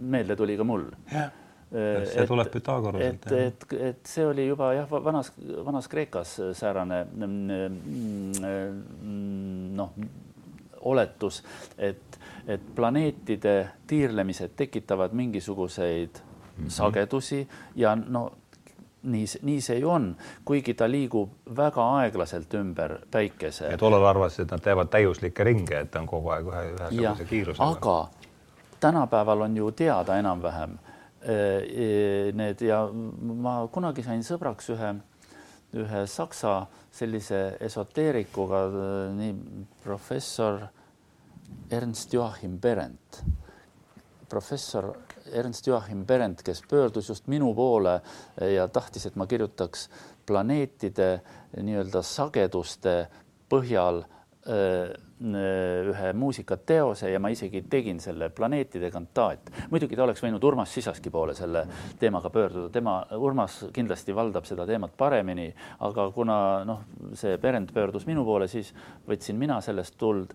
Ja lihtsalt probleem on selles, et, et noh, see on väga madal heli, see on ju infraheli, kui nii aeglaselt see planeet liigub, inimkõrv seda ei kuule, aga kui noh, nii-öelda teoreetiliselt äh, äh, seda tõsta nii palju oktaave kõrgemaks. Mm, -hmm. noh, umbes kakskümmend üheksa või kolmkümmend või kolmkümmend üks oktaavi kõrgemaks, siis need sagedused muutuvad inimkõrvale kuuldavaks. ja nüüd selle Berenti arvutuste põhjal mina siis noh, ta andis mulle iga planeedi sellise noodi, millise noodis või millise sagedusega see planeet tiirleb või millist heli ta tekitab. Ja noh, see teema on, oli minu jaoks väga põnev, sellest on üks oma kakskümmend aastat võib-olla möödas, nii et ma olen unustanud selle, selle asja, noh, inimese pähe tuleb nii palju uut informatsiooni, et see vana läheb välja, aga nii, et see nii-öelda planeetide, Planet Cantata jah, selle al algul saksakeelsele tekstile, hiljem tõlgiti see inglise keelde, nii et see on ka Uni Universali plaadifirma all ilmunud see plaat Saksamaal. aga see selleks, nüüd ma läksin kuidagi enesekeskseks juba. Mm. Aga jah, et, et see näitab, et, et mitte ainult pillikeel ei, ei tekita heli kindla sagedusega, vaid isegi maailmad, planeedid ja kindlasti ka meie keha ja meie kõik tekitame tegelikult helisid pidevalt mulle meeldis see mõte, et see vibratsiooni kolm tähendust, et üks on see puhtalt see füüsikaline hertsides mõõdetav ja ka teine see, et kus me, kus me hakkame millegagi niimoodi kaasa vibreerima ja see ei ole enam füüsikaline, vaid pigem niisugune poeetiline vibratsioon, et võib-olla Andres. no ma ei tea, kas ta poeetiline peaks luuletusi kirjutama. no võtame laie, laiemalt, laiemalt jah. aga, aga see on jah, natuke teised asjad, vibratsioon. See, see on see, millega inimene võtab vastu. just, just äh,. osavõtlikkus, vastuvõtlikkus, selline tähendab, pere ilmselt on, see on see äh,. ütleme, transcendentaalsest maailmast ju kogu aeg midagi saadetakse välja, see kogu aeg õhkab. nii ja nüüd, nüüd selle, selle, selle tajumine. Mm, see ongi see probleem, kuidas tajume, aga siin on sõna vibratsioon väga tähtis, sellepärast et see ei ole veel sõnades väljendatav. aga noh, muidugi äh, elu on läinud, noh, kuna me elame niisuguses pragmaatilises ja materiaalses maailmas, siis hakatakse kõikidest asjadest kirjutama no ja pakse raamatuid tegema ja tohutuid uurimusi. sa kasutasid ka niisugust sõna, et, et ta teab, teab äh, rohkem või keegi teab rohkem, keegi teab vähem, aga, aga millest teada, mida, mida, mida teada, selleks, et ütleme, transcendentaalses maailmas ei pea midagi teadma. tegelikult peab, me peaksime, peaksime ennast puhastama, et mitte teadma. tähendab, nii palju on kogu aeg asju, mida teatakse ja nii palju on, on alasid ja inimesi, kes väidavad, et nad teavad midagi. aga, aga kui tekiks see, et me ei, ei tea asju ja, ja me tegelikult ei tea, seepärast et kui saaks tulla ikkagi teispoolsusest transcendentaalsetest maailmast tõeliselt tagasi ja siis pragmaatiliselt seda kus, võimalik kuskil väljendada, ma arvan, see pilt on täiesti, mitte, mitte ei arva, vaid see, see pilt on täiesti teine muide, see, et noh, luuletust kirjutades võib vibreerida. Eesti keeles me võib-olla eh, ei väljenda ennast sageli niimoodi, aga mul on näiteks mitmeid kogemusi, kui keegi eh, noh, nii-öelda inglisekeelsest eh, maailmast pärit muusik on minult mingi teose tellinud ja kui ma talle annan teada, et noh, et näiteks kahe nädala pärast ma ilmselt saan selle teose valmis, siis on küllaltki loogiline vastus, et I wait, I wait for, for, for this piece with uh, vibration uh. -huh. et, et ma, ma ootan vibratsiooniga sinu teost, see noh, meie Eestis võib-olla ütleksime, et ma juba põnevuse ja hingevärinaga olen. no värin äh, ongi vibratsioon. jah, et, et me, me noh, võib-olla eesti keeles jah ei nimeta nii, sest see on ka vibration on ka meie jaoks ju ikkagi võõrsõna, eks ole. siis värin. Äh, aga hingevärin jah, on, on ja, ja vot see on nüüd see, see teine tähendus sellele äh, vibratsioonile lisaks sellele füüsilisele. see võib olla veel, veel äh, horisont, tähendab äh, selles suhtes, et niipidine, mitte veel, mitte veel äh, vertikaal, vaid, vaid nagu horisontaalne vibratsioon mm. -hmm. aga noh, ütleme meie, meie elus, kui, kus, kus me elume, elame, ei ole võimalik nagu lahutada neid asju ikkagi, et see ideaalne milleks on tekkinud ka niisugused mõisted nagu rist ja et see on ideaalne on nagu horisontaalne, vertikaalne, vot nende asjade sümbioos ja, ja, ja, ja tajumine lihtsalt kui, kui kaldub rohkem vertikaali, siis see inimene äh, selle kohta öeldakse, et ta on kas müstik või, või ta on juba siit maailmast natukene kõrvale läinud, neid on ju ka olemas ja, ja, ja väga ahvatlevad on sellised versioonid, need, need loovad koolkondi ja nende juurde minnakse, et saada seda või teised, kes, kes on ainult, ainult äh, horisontaalsed, eks ole, seal, seal nagu see vertikaal ei mängi üldse mingit rolli, seepärast et seda asja ei tunnistata ja ei saa, ei saada aru. Aga äh, elu paradoks ongi see, et, et inimestel antakse erinevalt asju tajuda ja erinevalt aru saada. nii et, et, et mis, mis kellelegi on antud, ta peaks juba selle eest tänulik olema. huvitav, see jutuajamine teiega on toonud mulle meelde ühe tsitaadi, mida ma siin ütleme esimese loo ajal palju-palju kordi ja nüüd ta tuli uuesti meelde, see on Erwin Schrödinger, siis äh, füüsika, Nobeli füüsika auhinna laureaat ja tema on öelnud, et äh, kord, see nüüd teiega arutades tuli uuesti meelde, et lääne filosoofia või lääne mõte vajab kiiret verevahet-, vajab verevahetust idast. aga et see peab olema, et see ei saa toimuda üleöö, sest kiire taandumine positsioonidelt, mida on hoitud üle kahe tuhande aasta, on, on ohtlik, et ju ta siis tuli mingi põhjusega mulle meelde, et ma tahaksin äh, teie käest küsida, et mida, kuidas mis äh, mängige selle palliga palun natuke, see tsitaat peast umbes on midagi et lääne, lääne filosoofia, lääne mõte vajab verevahetust idast, sellest me oleme otsapidi siin ju rääkinud. aga et see ei saa olla, siin tuleb olla ettevaatlik, sest see on mul hästi meeles, et et kiire taandumine positsioonidelt, mida on, on hoitud üle kahe tuhande aasta, on, on ohtlik, et kuidas teie sellest lausest äh, aru saate? kes tahab alustada? et veel kord, see on meil niisugune vaba, vaba, vaba otsimise saade. kuna Peeter võib-olla räägib pikemalt, loomulikult see nii on, igasugused muutused kiiresti ja väevõimuga on, on oht, ohtlikud. See on, see on selge. aga, aga see, et noh, verevahetus, ma ei oska öelda, kas, kas see nii on, aga aga ega, ega Euroopa on, on ka olnud ikkagi väga lähedane sellele, mis praegu mis kuidagi noh, ütleme üldmõistena ida, seda, see, see muidugi vajaks ka natuke öelda, et, et me ei mõtle nii lihtsalt asju, et on mingi, mingi ida olemas või, või, või kuskil on pääsemine, ma teen naljana lihtsalt teen niisugust asja, et, et kui avanes, India avanes, siis mõned, mõned läksid sinna, et nad sealt saavad nüüd õnnistuse ja, ja pühenduse ja ja valgustuse. Nii kui nad jõudsid kuskil kuskile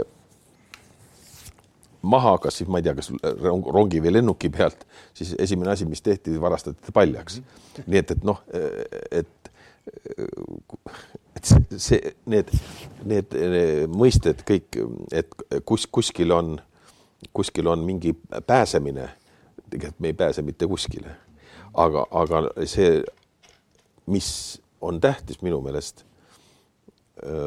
on see, kui, kuivõrd vastuvõtlikud me oleme nähtustele, mis on olemas ja mis võiksid sinu vaimu ja hinge toita ja kui vaja, siis öelda ka, et, et päästa või kui öelda veel teistmoodi, et peab tulema uuesti elama või kui sellesse ei usu, et see ongi sinu viimane šanss.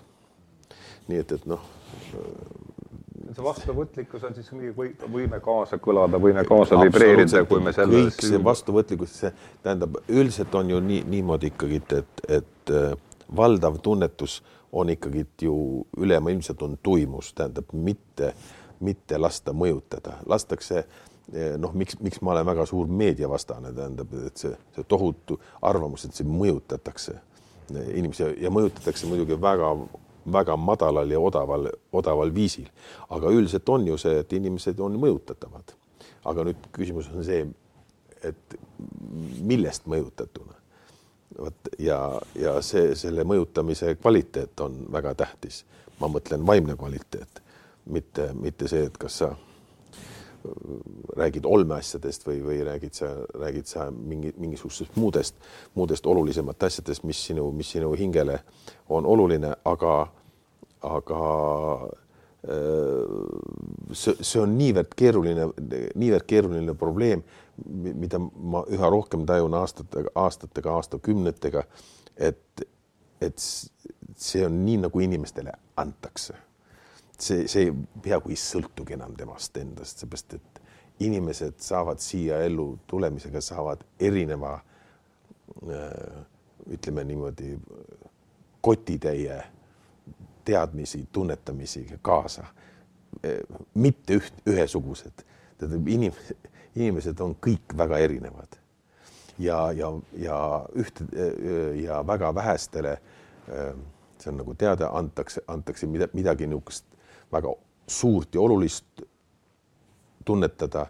enamus on ikkagi nagu enamus inimkond on, on üks suur pesa, kes nagu siblib oma pisikeses ümbruses nii et, et ega see, ega see eh, on paratamatus, et ta nii on, aga et, et kui me sen, sinnani jõuame, et, et kõik tajuvad seda, et on, olla rahul sellega, kes sa oled, siis võivad ka muuta, siis ei ole vaja ka kuskilt mujalt otsida. see ikka endast hakkab see kõik peale. kui nüüd eh, pisut eh, tagasi tulla selle algse küsimuse juurde, et kuivõrd läänemaailm, lääne kultuur vajab verevahetust. No ega see on ju teada, et verevahetust aeg-ajalt on tarvis ka äh, teatud inimgruppidel, noh näiteks äh, mõnedel äh, põhjarahvastel on ju säärane komme isegi. Ja ma tean ka Aafrikas olen kokku puutunud hõimudega, kus on säärane komme, et kui tuleb külaline, et siis peremees pakub oma naist talle ööseks ja tegelikult eesmärgiks pole miski muu, kui et see ühiskond on liiga suletud ja muidu hakkavad äh, nii-öelda lapsed sündima sugulaste vahel ja, äh, ja äh, on tarvis verevahetust. aga see, nüüd see nii-öelda lääne kultuuri verevahetus, see ei ole küll täpselt sama, aga siin ma noh, julgeksin selle väikese paralleeli tõmmata. et võib-olla tõesti ka lääne kultuur, nagu ütleme, hakkaks hapnema nagu omas mahlas, et, et mingi verevahetus ei tule kahjuks ja äh, teine mõte selles äh, tsitaadis oli see, et see ei tohi toimuda kiiresti, et see võiks toimuda mingi aja jooksul. noh, ütleme äh, ja see ongi tegelikult ju toimunud lääne kultuuri puhul aja, aja jooksul.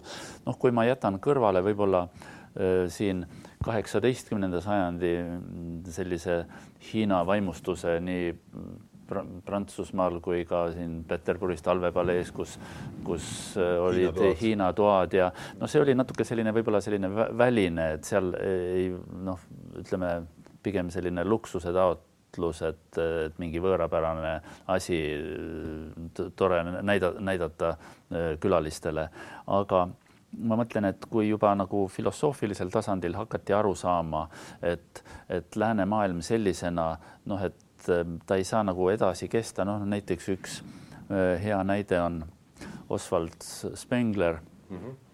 Untergang des Abendlandes äh, õhtumaade. sellest oli veel omaette saade ka sellest oh.. allakäik, et Äh, noh, ma jällegi võin eksida aastaarvuga, kas mitte üks nendest osadest ei ilmunud, ilmus kahes osas kahekümnenda sajandi esimeses pooles, kas mitte tuhat üheksasada kuusteist äkki või kuskil, kuskil, kuskil sealkandis, aga see tähendab juba üle saja aasta tagasi mm. -hmm. ja seal ka ju noh, niisuguseid viiteid oli Hiinale ja äh, et mm, et noh, mulle, mulle tundub, et see on võib-olla üks esimesi, kus on teadlikult fikseeritud see, et midagi peab muutuma, et sellisena ei saa õhtumaad nagu lõputult edasi kesta. ja ma arvan, et äh, tänaseks päevaks on ikkagi väga palju võetud üle ja ma kindlasti mitte vähem ei ole idamaad vastu võtnud läänest, võib-olla, võib-olla isegi, isegi rohkem. Äh, et säärane verevahetus on toimunud ja ma arvan, et, et see sada aastat ei ole nüüd või üle saja aasta liiga lühike aeg, et see on päris, päris piisav aeg selliseks. mis teie, ütleme,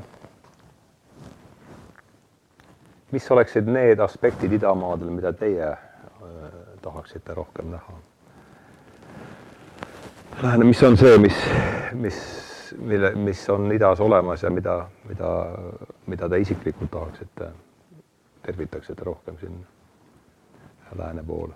no mm, sellest meil on siin juba tänase vestlusegi käigus juttu, juttu olnud, et võib-olla mm, sallivus, äh, äh, niisugune ma, ma ei taha öelda, et idamaades vägivalda poleks olnud, oh oi kui palju, aga vähemalt säärane printsiip on nagu rohkem teadvustatud, see ahinsa, mida nimetas Andres või vägivallatuse printsiip, no mis on ka budismis väga ja džainistlikus religioonis väga noh, teatud juhtudel isegi noh, äärmuseni minev, eks ole, mis ei, ei keela mitte üksnes teise inimese kahjustamist, tapmist või, või, või talle füüsiliselt midagi tegemast, vaid see laieneb ka loomadele li, lindudele ja eriti äärmuslikel juhtudel isegi putukatele, vihmaussidele ja ja eks ole, üks niisugune tõsimeelne džainist, et ta isegi kui ta astub looduses, tal on niisugune luuakene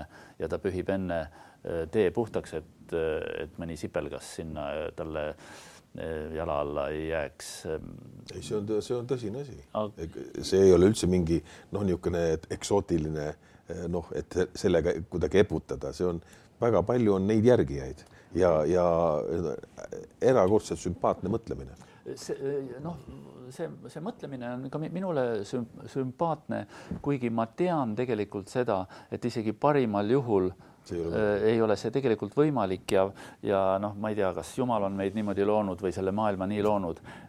paratamatult selleks, et meie elus püsi, püsime, me ikkagi isegi noh, ma ei, ma ei söö liha ja Andres ei söö samuti liha, me muide, aga me paratamatult me noh, isegi kui me sööme taimi, seal taimede küljes on ka need eh, nii väikesed elusolendid, keda me ei, ei suuda, ei suuda näha ja, ja me ikkagi noh, pidevalt hävitame teisi elusolendeid, see on lihtsalt see niisugune maailma paratamatus, aga vähemalt mingi püüdlus või soov seda vältida, see on, see on väga ilus ja seda võiks muidugi ka Euroopas rohkem olla, aga muide, ongi. näiteks ma oma lapsepõlvest ei mäleta, et keegi oleks rääkinud äh, vege, vegetaarsest noh, nii-öelda toidust või veel vähem veganlusest. aga praegu on see, kauplustes on osakonnad, eks ole, spetsiaalsed riiulid, kus sa saad küll noh, nii-öelda noh, igasuguse, isegi õunu, mille pealt ei ole putukaid, eks ole, ja uss, ussikesi tapetud mm. -hmm kuidas see kõik nüüd need printsiibid ja mis me siin oleme rääkinud, kuidas see kõik peegeldub nüüd, võtame konkreetsemalt nüüd Tiibeti muusika, et mis on need, mis on need põhilised vot ei ole, ma ei ole, olen ise niimoodi, pole muusika selle teoreetilise sõnavaraga nüüd väga, aga mis on need üld-, põhi, põhimõttelised erinevused selle põhjal, kuidas on lääne muusika ja, ja, ja Tiibeti muusika, et äh, mis äh, see on võib-olla parim, kuidas ma oskan seda küsimust formuleerida. Enne kui Peeter räägib kohe sellest väga konkreetselt, ma juba näen näost, ei, aga ma ütlen, et, et üks asi, mis, mis, kui me räägime niisugusest üksteise täiend-, täiendamisest või niisuguste mõtlemiste täiendamisest, on ikkagi see, et, et äh, mis on viinud ka äh, selle õhtumaade allakäiguna, on see tohutu pürgimine kogu aeg, kogu aeg kuskile jõudmine, äh, mingisuguste asjade kättesaamine, muide absoluutselt arusaamatu mis asjade ja miks seda vaja kätte saada. Prometheuslik impulss. kogu aeg ja jah, et, et kogu aeg niisugune õudne püüdlemine ja tunglemine ja, ja kõik veel, no ütleme ja vastand on siin olemine ja, ja noh, nagu olemise olemine ja tähendab mitte kuhugi jõudmine, vaid selles olekus endas. see on muidugi praegu, praegu ka mm, õhtumaades ikkagi väga paljudel väga lähedane see mittepürglikkus ja, ja, ja, ja selle eh, enda oleku leidmine just nimelt selles, selles asjas olemises endas, eh, mis, mis ei jõua mitte kuskile. Tähendab, mingit eh, seda nähtavat tulemust ei taotleta. aga no paradoks on see, et, et võib-olla isegi tihtipeale see, see niinimetatud selle õhtumaa alla käiva õhtumaade kultuuri sees just see tulemus kuidagi hakkab paistma silma, seepärast et toimub sisemine muutumine ja seda juba, juba nähakse kui mingit, mingit protsessi. Aga selle, selle võib-olla nende, nende inimeste hulgas ei ole see, on just vastupidi, selle, mitte selle protsessi ja progressi äh, ka tegelemine või, või tajumine, vaid, vaid selles, selles hetke olemises või nii, nagu ma olen juba aastakümneid tegelikult oma, oma ka programme mingis, mingis mõttes on, on nagu pidevalt teel olles, tähendab mitte jõudes, vaid olles. Et see, see, see on kindlasti õhtumaadest või äh, hommikumaast tulnud väga tugevalt õhtumaade kultuuri see pigem niisugune, et laseme nüüd asjal, laseme nüüd asjal olla ja no, jäta, jäta. ega see ei tähenda, et me ei, ei tegele asjaga mm, -hmm. aga me ei tegele selleks, et no jah, me Õhtumaades oleme ka ilmselt aru saanud, et ka kasvul ja, ja on teatud piirid, noh, me teame juba mitmekümne aasta tagusest ajast Rooma klubist seda ja, ja muide, kus me kohtusime alles mõned päevad tagasi ja. seal Teaduste Akadeemia sellel konverentsil Inimene piiril, seal oli ka mitmel korral sellest juttu, et see kasv ja need pürgimused saavad olla teatud piirini ja noh, et see üle, seda ei tohi ületada, aga küsimus oli tegelikult, et mille poolest erineb ähm, Tiibeti muusika võib-olla lääne, lääne muusikast. kogu see elu on teistel alustel esitatud, võiks arvata, et ju muusika on seda, seda peegeldab seda. aga no lähe, see... läheme, läheme konkreetselt siis mu, muusik, muusika juurde.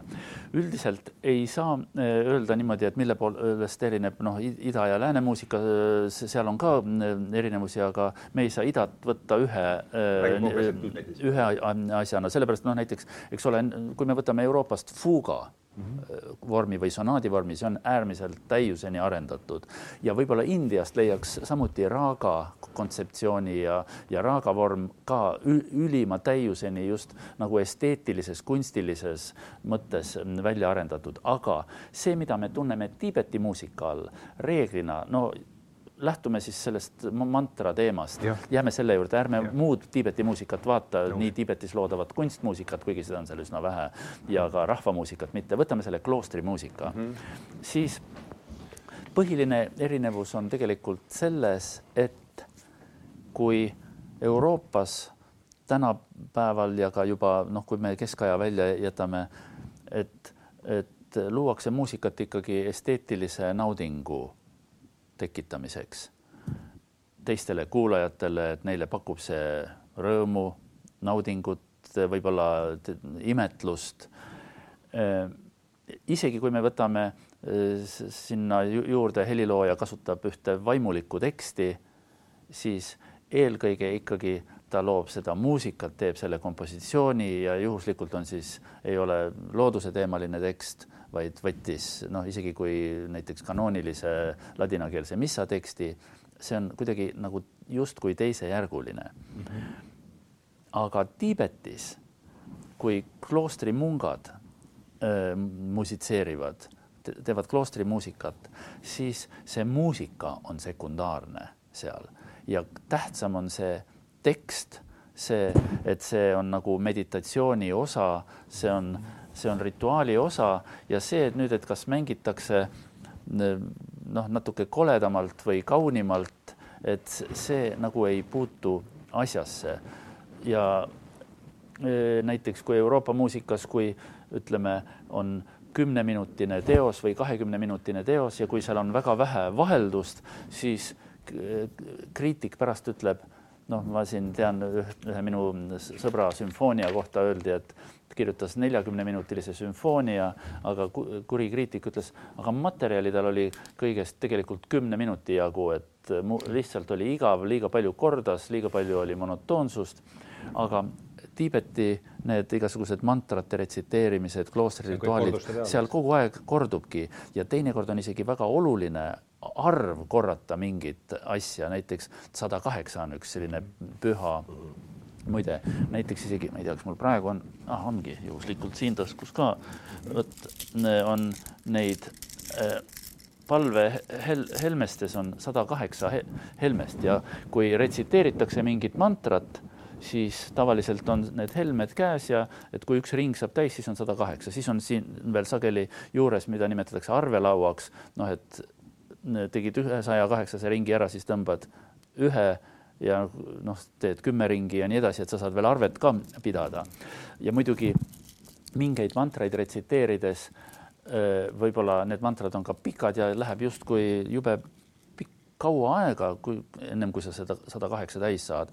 noh, näiteks no, üks jumalus on Vajrasattva on Vajrasattva mantra, saja kaheksa silbiline, kui sa hakkaksid seda niimoodi retsiteerima, om Vajrasattva sama ja manubala ja see läheb tohutult pikalt, siis tehakse mõnikord ja seda ka noh, ütleme ka selliste muusikaliste rituaalide raames, mõnikord tehakse näiteks kolm korda mantrat, retsiteeritakse aeglaselt läbi, nii et iga silp on nagu väga selgelt välja öeldud, aga siis minnakse väga kiiresti.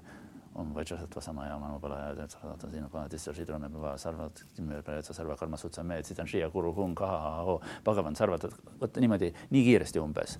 Ja et veelgi kiiremini aga kusjuures see ei ole mitte selline libisemine kõigest üle, mõte peab kogu aeg fookus on fo, fookus, fookus peab seal olema, et isegi vaikuses retsiteeritakse. et toimub tegelikult noh, justkui muusika ja mantra retsitatsioon, see vibratsioon nagu on. vot see on nüüd see, see vib, kolmas vibratsiooniliik, millest me mm -hmm. ja, ja et see vibratsioon on mantra äh, nagu lähtub inimesest, mungast, aga tegelikult häälepaelad kaasa ei vibreeri. see ja see tähendab, see keegi kõrvalseisja, kelle, kes on hea tajuga, kellel on sellist sensitiivsust, see saab aru, millega tegeldakse, mis toimub. aga keegi inimene võib, võib mõelda, et ah, nad niisama istuvad siin, logelevad, eks ole ja et mantra retsiteerimine toimub vaikuses. ehk et siis sellist füüsi-, füüsikalist vibratsiooni, füüsikalist vibratsiooni ei toimu, ei toimu. Mm -hmm. no ma kujutan ette, et Abrahami, abrahamlikes religioonides vastab see mantrale siis, see on lähim sugulane palve tõenäoliselt või? nojah, no seda sõna ei kasutata mantraga, no muidugi palve ja see on noh see on tegelikult, see on kõik üks ja sama asi, vot see, see on, see on selle asja, et mis asi on nagu, nagu noh, inimkond nagu leiab nagu äh, teravamalt tajub ja, ja kust nagu vähem tajub, aga, aga noh, nendes kõikides on ju see, see noh, ütleme eriti veel välja kujunenud religioonis välja kujunenud, ma mõtlen, mis, mis praegu on ju kõik ettekirjutused, täpselt kui palju kõik kordi kõiki asju teha ja, ja see lugemine, see on, tähendab üldiselt ikkagi lugemine, retsiteerimine, kordamine need on kõik väga olulised asjad, aga jah, Läänemaa, läänemaises muusikas on just vastupidi, seda ei tohiks nagu olla just. no ei ole põnev. ei, ei, ei, see ei ole põnev jah, ta, ta on, ta võib olla ülev ja ta võib tõsta ja, ja, ja seda ta kõik nagu teebki, aga, aga siis, siis ta ei ole eh, kuidas öelda, ta ei ole nende inimeste jaoks, kes tulevad õhtut veetma eh, ooperisse või, või ostavad pileti ja nüüd pooleteist tunni jooksul peavad saama mingisuguse kogemuse, võib-olla pooleteistkümne tunni jooksul on alles sissejuhatus, soojendus mingisuguseks olekuks. noh, aga ega see on loomulik, ega see ei peagi olema ka piletiga, ei peagi olema inimesed sinna spetsiaalselt tulema, nad vot jälle see ida, need inimesed peavad seal olema. Ja see, see on suur vahe, kas tuled või oled aga muide siiski. vibratsiooni väljas. no kas sa ja kas sa oled seal sees, aga kui sa oled seal sees, siis aeg kaob teiseks, üldse võiks täiesti, täiesti eraldi, eraldi teemana võtta aeg mm. kui selline, sellepärast et, et aeg ei ole konstantne ja aeg ei ole ühesugune. aeg on, on võib-olla inimhinge jaoks sellise pikkusega, aga aeg võib olla absoluutselt teise pikkusega. Aeg ei, viis minutit ei ole viis minutit kõikide jaoks viis minutit. Aga muide eh, siiski eh, ei, ei taha ma sellega öelda, et säärane asi on võimalik ainult kusagil Tiibetis eh, viie tuhande meetri kõrgusel ja, ja et meil Euroopa inimesele üldse selline asi ei läheks peale või see ei puudutaks meid noh, ma olen näinud ju korduvalt, kuna me korraldame festivali nimega Orient ja me oleme siia kutsunud esinema küll Tiibeti munkasid kui tuva šamaane. Ja muidugi väga võimalik, et see on natuke teistmoodi publik, kes juba teab ja ostab, ostab pileti sellisele noh, kontserdile ma, ma nagu ei julgegi isegi öelda, no ütleme sellisele sündmusele. Ja on suuteline ka poolteist tundi kuulama sellist, ütleme suhteliselt madalat jorinat ja ega see pillide valikki pole väga-väga rikkalik. Ja, ja ka Tiibeti või vabandust, ka tuva šamaan, tal on üksainus pill šamaani trumm, mille küljes on mingid sellised metallsed noh, natuke kaasa helisevad asjad ja, ja noh, tema see laulgi on kas siis loomade häälitsuste imiteerimine või, või siis niimoodi umbes kolmel-neljal noodil ehm, laulmine, aga ometi kuidagi publik läheb sellega või suudetakse publik nagu haarata kaasa, nii et, et ehm, võimalik äh, on see, et nagu me rääkisime, et lääne kultuur on mõjutanud ida ja ida kultuur on siin saja või rohkema aasta jooksul mõjutanud meid. et äh, vähemalt ka paljudes eurooplastes on olemas selline vastuvõtukanal sellise asja jaoks ja mulle tundub, et võib-olla mõned vaatavad seda kui lihtsalt kui erilist eksootikat, et esimest korda, et no et mis jama see nüüd siin la laval on ja aga siiski suur osa publikust läheb sellega ka kuidagi kaasa kui ma nüüd kirjutasin üles siin üks võimalus mu enda jaoks seda sõnastada, et see Tiibeti kloostri muusikal, siis see muusika on ikkagi nagu niisugune palve või mantrade kõrvalsaadus. on.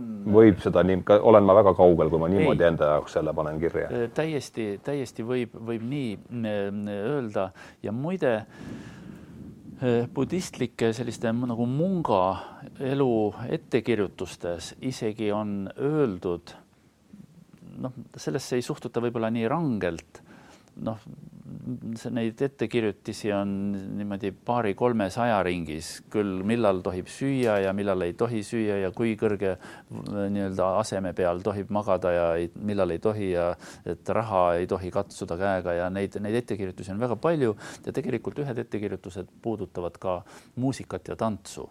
et tegelikult nagu munk ei äh,, ei ei tohikski tantsida ega laulda ega pilli mängida välja arvatud juhul, kui see ei ole nagu just nimelt sellises äh, budismi tseremoonia teenistuses. et, et see on isegi nagu jah, keelatud mingil määral. no ja, aga eh, need, need, neid asju on kõikides religioonides on analoogilised asjad, ütleme, kui, kui islaamis on igasugune kujutamine keelatud aga, aga kui me vaatame inimese kujutamine, inimese kujutamine ja keelad, aga kui me vaatame seda, seda kunstilist kujutamist, mis, mis on noh, mustrite ja, ja, ja see on ju, see on ju uskumatu, milline, milline tase. ja ütleme, need ettekirjutused, need on ju ka üldiselt ikka väga Äh, judaismis on ju, on ju kolm, äh, kolmsada kuuskümmend viis keeld, tähendab, võib öelda niimoodi, et on, on sadu, sadu keelde ja siis naljana öeldakse, et ja teine, teine sadu on see, kuidas, kuidas nendest keeludest, keeldudest, kuidagi nendega hakkama saada nagu, nagu, et, et ja ega tegelikult jõuame väga lihtsasse asjasse, on ju olemas ju on ju kümme käsku, mis, mis ei ole küll Jeesuselt tulnud, aga mis, mis on Mooseselt tulnud, mis, mis on õhtumaade kultuuri alguse, need on ka ju et, ettekirjutused, aga need on väga-väga-väga rasked ettekirjutused, see on palju parem on see, kui antakse, kui kõrge voodi, millal laulda, millal mitte laulda. Aga noh, kui see, et, et mis on kümnes käsus, need on juba niisugused ikka väga nõuab väga tugevat tugevaid isiksusi, kes no, no budismis on ka no, muidugi. panchashila, mis on veel noh, see on nagu viis eetikat või sellist Eet, viis, viis mora, moraali normi, mis on noh, väga-väga selged, üks on noh, kõige tähtsam on see ahimsa, mida me nimetasime, et noh, mitte tappa, eks ole. teine on mitte varastada, kolmas mitte valetada, siis on veel selliste nagu ütleme joovastavate ainete noh, mittetarvitamise nõue ja siis on ka eh, seksuaalsete Äh, seksuaalse käitumise osas ka teatud nõuded, aga see, need on muidugi koolkonniti natuke erinevad, mida selle all ja mi, mida selle all mõista, sellepärast et äh, noh, on, on küll jah, koolkonniti ja maati on see erinev.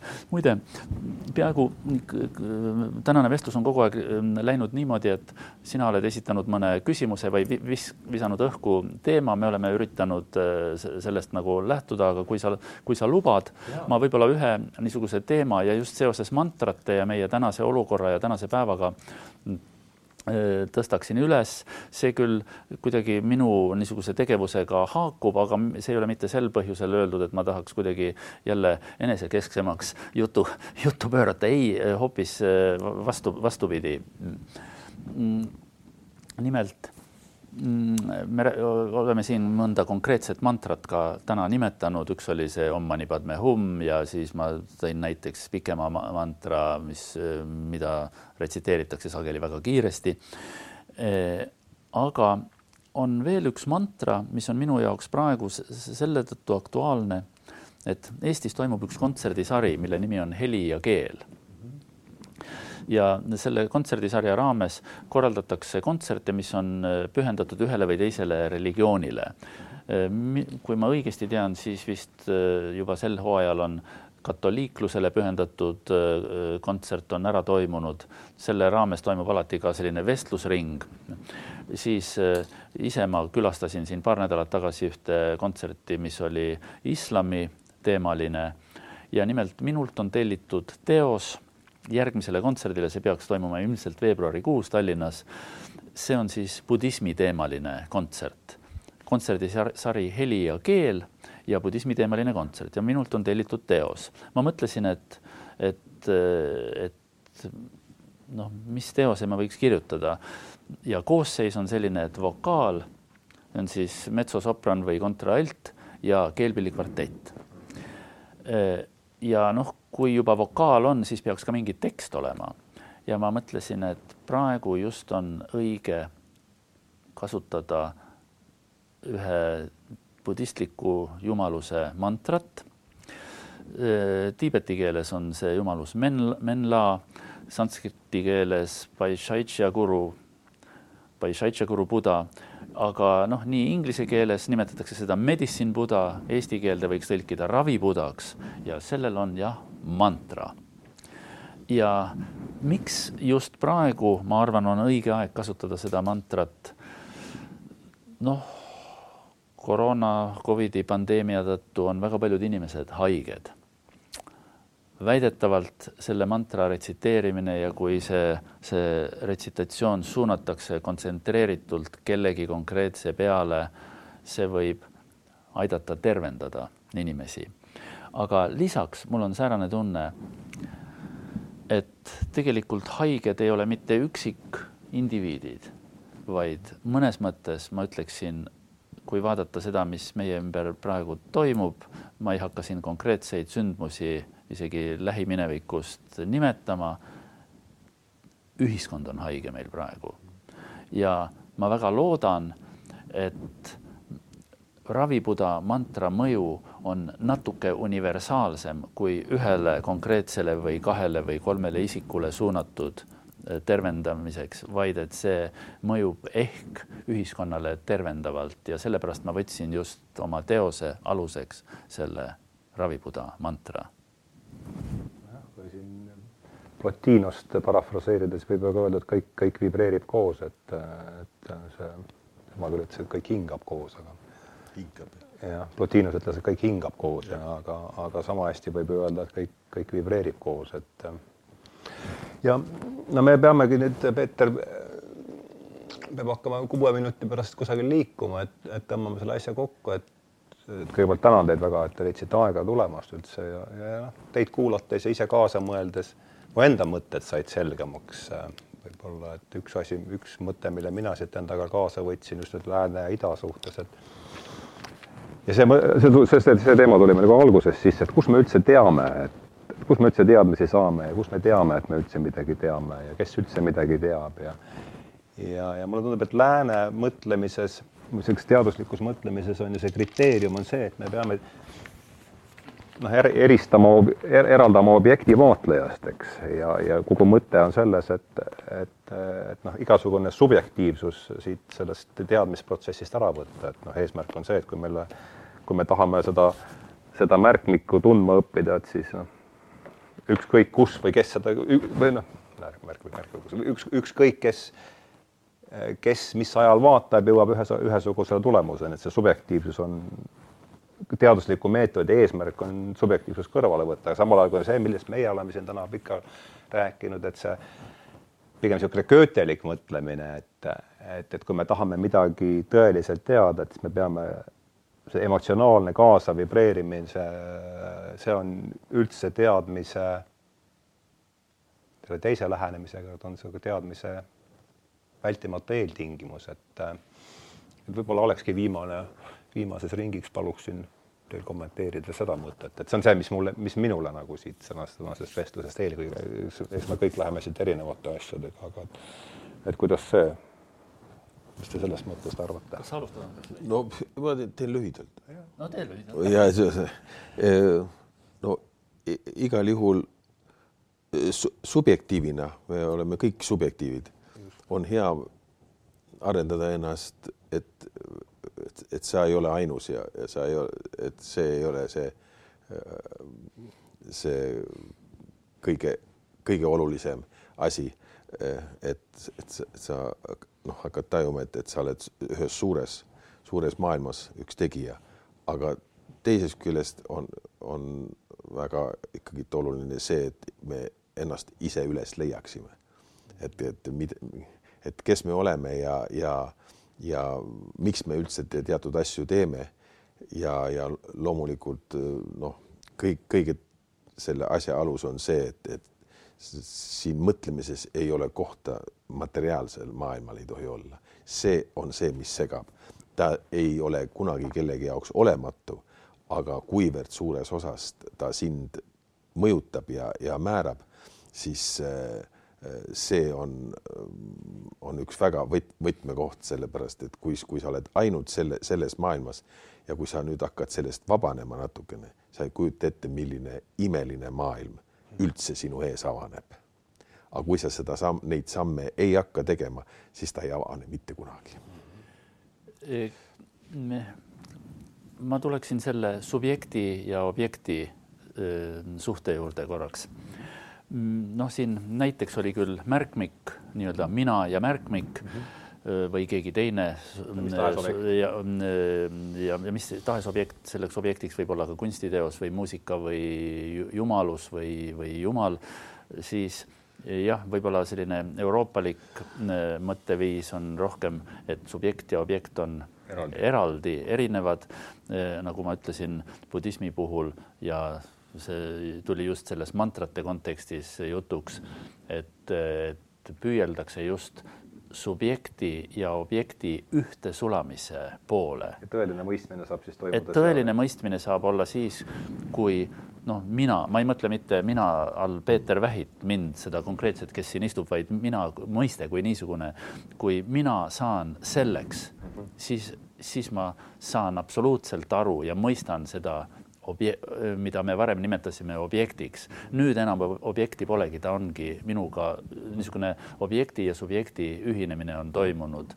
ja just eriti kõige rohkem noh, muidugi see on aktuaalne just jumalusega ühinemise puhul. et see on see põhiline vahe, aga, aga ma võib-olla räägin ja minu jutt tundub siin nagu ma oleks ise keegi, ma ei tea, kas indialane või tiibetlane või hiinlane, et et äh, aga ei, ma olen ikkagi täiesti eestlane, mitte küll puhas eestlane, ka minus voolab äh, nii sakslase, rootslase kui venelase verd ja võib-olla äh, väga kaugelt ka kuskilt kellegi idamaalase verd, noh, peaaegu nii-öelda poolteadaolevalt. aga siiski ma olen eestlane, selles mõttes ma olen mitte ainult Eesti kodanik, nii-öelda eesti keel on mu emakeel, ma olen Eestis koolis käinud, et ma ei räägi sugugi seda juttu mingisuguse idamaalase positsioonilt, nii et lihtsalt need on mõtted, mis on tekkinud jah, aja jooksul ja need suhtumised, mis on tekkinud aja jooksul aga suur tänu teile mõlemale äh,. oli vahva teiega siin ligi kaks tundi lobiseda, ma olen väga tänulik, et te selle aja võtsite ja ja mulle tundub, et nüüd rumalamaks me siin keegi ei jäänud selle, selle, see, selle jutuajamise käigus. üldiselt tasub tegeleda asjadega, mis ei tee lollimaks. on juba, on juba suur samm astutud. just nimelt, et selles suhtes võib pidada pärast, pärastlõuna alguse vast korda läinuks või? Absoluutselt ja suur tänu kutsumast igal juhul. suur aitäh, Andres Mustonen, suur aitäh, suur aitäh, Peeter Vähi ja.... ja suur tänu sinna teisele ja, poole teisele ekraani, et ja. kes viitsisid ära kuulata meid. ja, ja kõigile teistele, teistele, kes on selle saatesarja teinud üldse võimalikuks, et äh, suur tänu südamest ja soovin teile kõigile ilusat hilissügist